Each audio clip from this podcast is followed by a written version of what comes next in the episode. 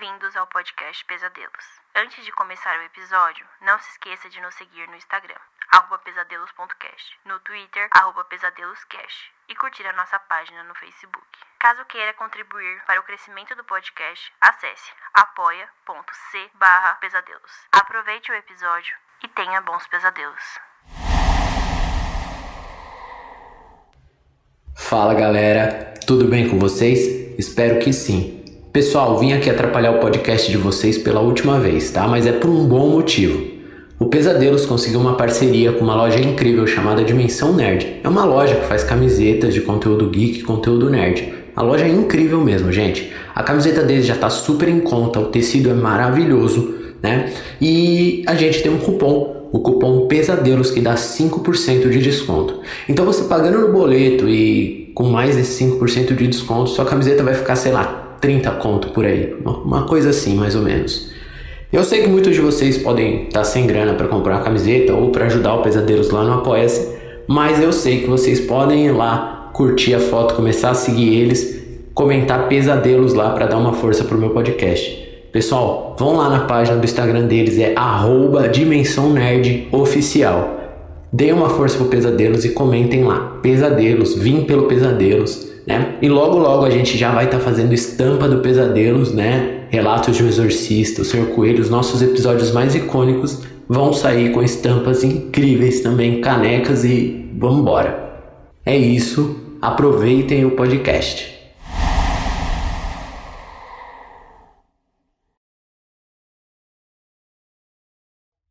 E conheceu Adão e Eva, sua mulher, e ela concebeu e deu à luz a Caim, e disse: alcancei do Senhor um homem, e deu à luz mais a seu irmão Abel. E Abel foi pastor de ovelhas, e Caim foi lavrador de terra.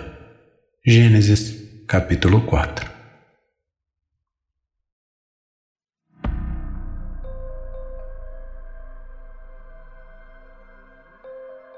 Caim, por William Camargo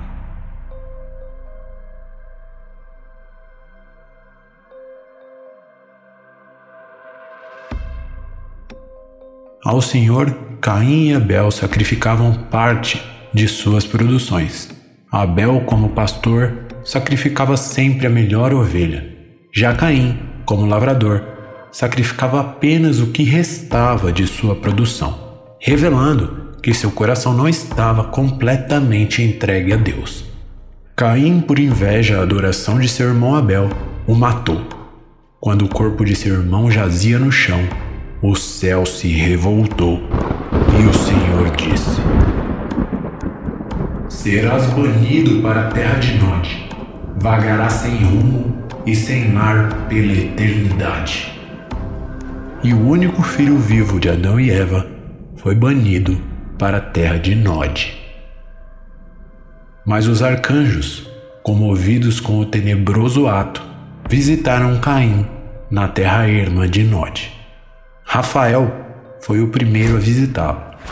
E a Caim Rafael disse: Arrependa-se de todo o coração, Caim, filho de Adão, e Deus o perdoará.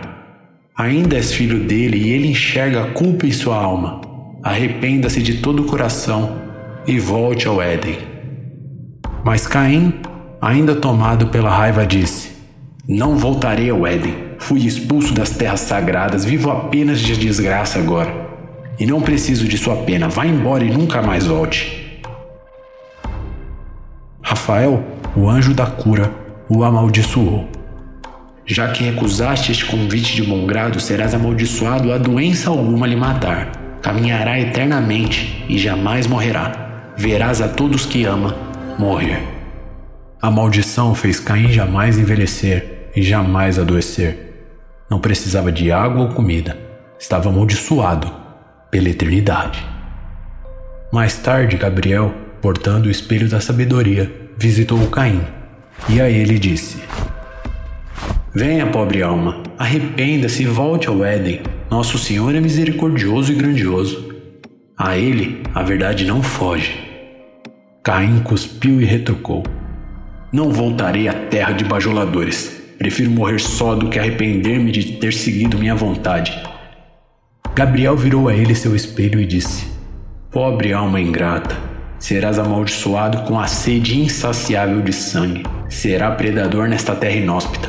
Todos temerão a ti. Quando Gabriel partiu, Caim não pôde mais ver seu reflexo no espelho.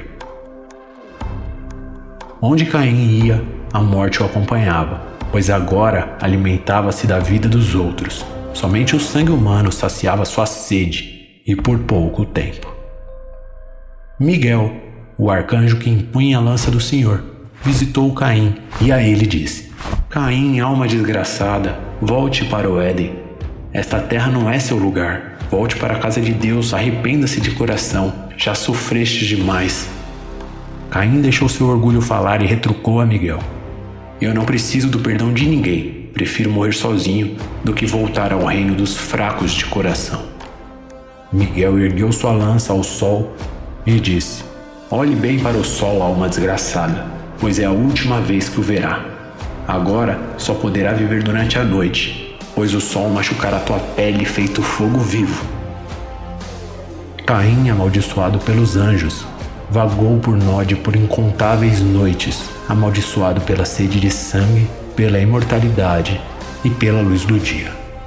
No entanto, escritos contam que mais um arcanjo visitou Caim, e desta vez Caim aceitou os seus termos.